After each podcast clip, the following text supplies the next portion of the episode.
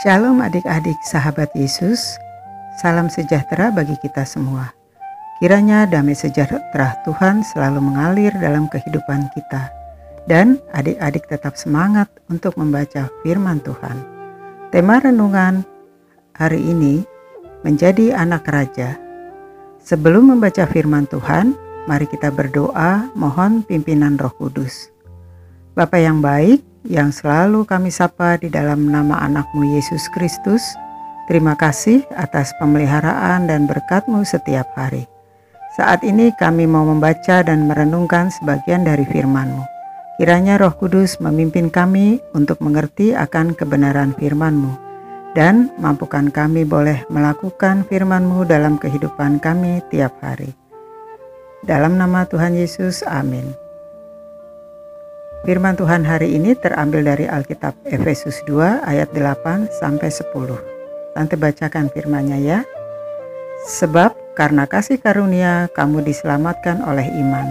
Itu bukan hasil usahamu, tetapi pemberian Allah. Itu bukan hasil pekerjaanmu. Jangan ada yang memegahkan diri. Karena kita ini buatan Allah, diciptakan dalam Kristus Yesus untuk melakukan pekerjaan baik yang dipersiapkan Allah sebelumnya. Ia mau supaya kita hidup di dalamnya. Ayat fokus kita hari ini, sebab karena kasih karunia kamu diselamatkan oleh iman. Itu bukan hasil usahamu, tetapi pemberian Allah. Adik-adik, siapa yang ingin menjadi anak raja?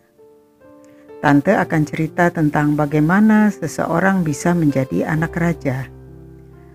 Alkisah, ada kerajaan Paradeiso mengadakan sebuah sayembara untuk mengangkat seorang pangeran. Semua anak laki-laki dan perempuan boleh mendaftarkan diri.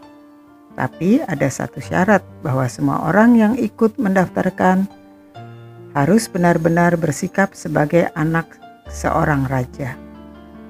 Pengumuman disebar di seluruh pelosok negeri. Raja menugaskan para pejabat istana untuk membantu menyeleksi calon pangeran dan putri raja. Anak-anak keluarga kaya raya langsung memakai baju-baju terbaik mereka. Begitu juga anak-anak dari keluarga terpelajar terlihat menenteng buku-buku ke mana pun mereka pergi. Bukankah seorang pangeran ataupun putri harus terlihat pandai? Di sisi lain, Anak-anak pemilik ladang segera turun ke ladang dan mengatur para budak yang bekerja di ladang mereka.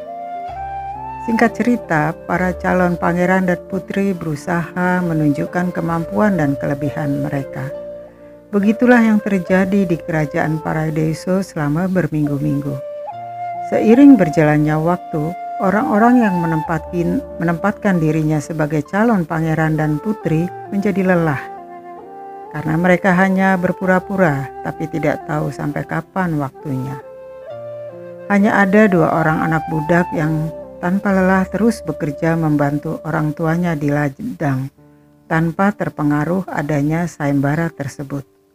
Ternyata adik-adik, ada seorang menteri kepercayaan raja yang diam-diam memperhatikan kedua anak budak itu, lalu melaporkan kepada raja. Akhirnya raja memutuskan, hari ini akan dinobatkan pangeran dan putri dari kerajaan Paradeiso.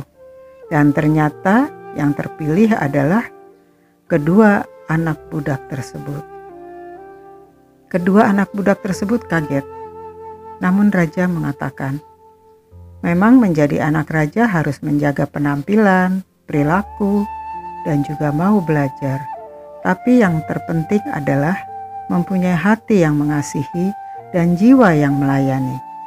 Raja lalu memboyong keluarga budak pindah ke istana dan memperlakukan mereka seperti keluarga. Nah, adik-adik, tanpa melalui sayembara pun, adik-adik juga sudah menjadi pangeran dan putri, karena adik-adik adalah anak-anak Tuhan Yesus, Raja dari segala raja. Adik-adik nanti dapat membuat mahkota sendiri di rumah ya. Mari adik-adik kita mau katakan, aku mau menjadi anak Tuhan yang mengasihi dan melayani. Kita ulangi, aku mau menjadi anak Tuhan yang mengasihi dan melayani. mengakhiri renungan hari ini, mari kita berdoa.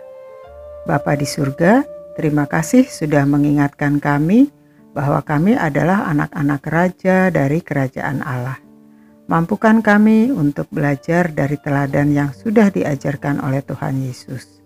Terima kasih ya Tuhan, dalam nama Tuhan Yesus, amin.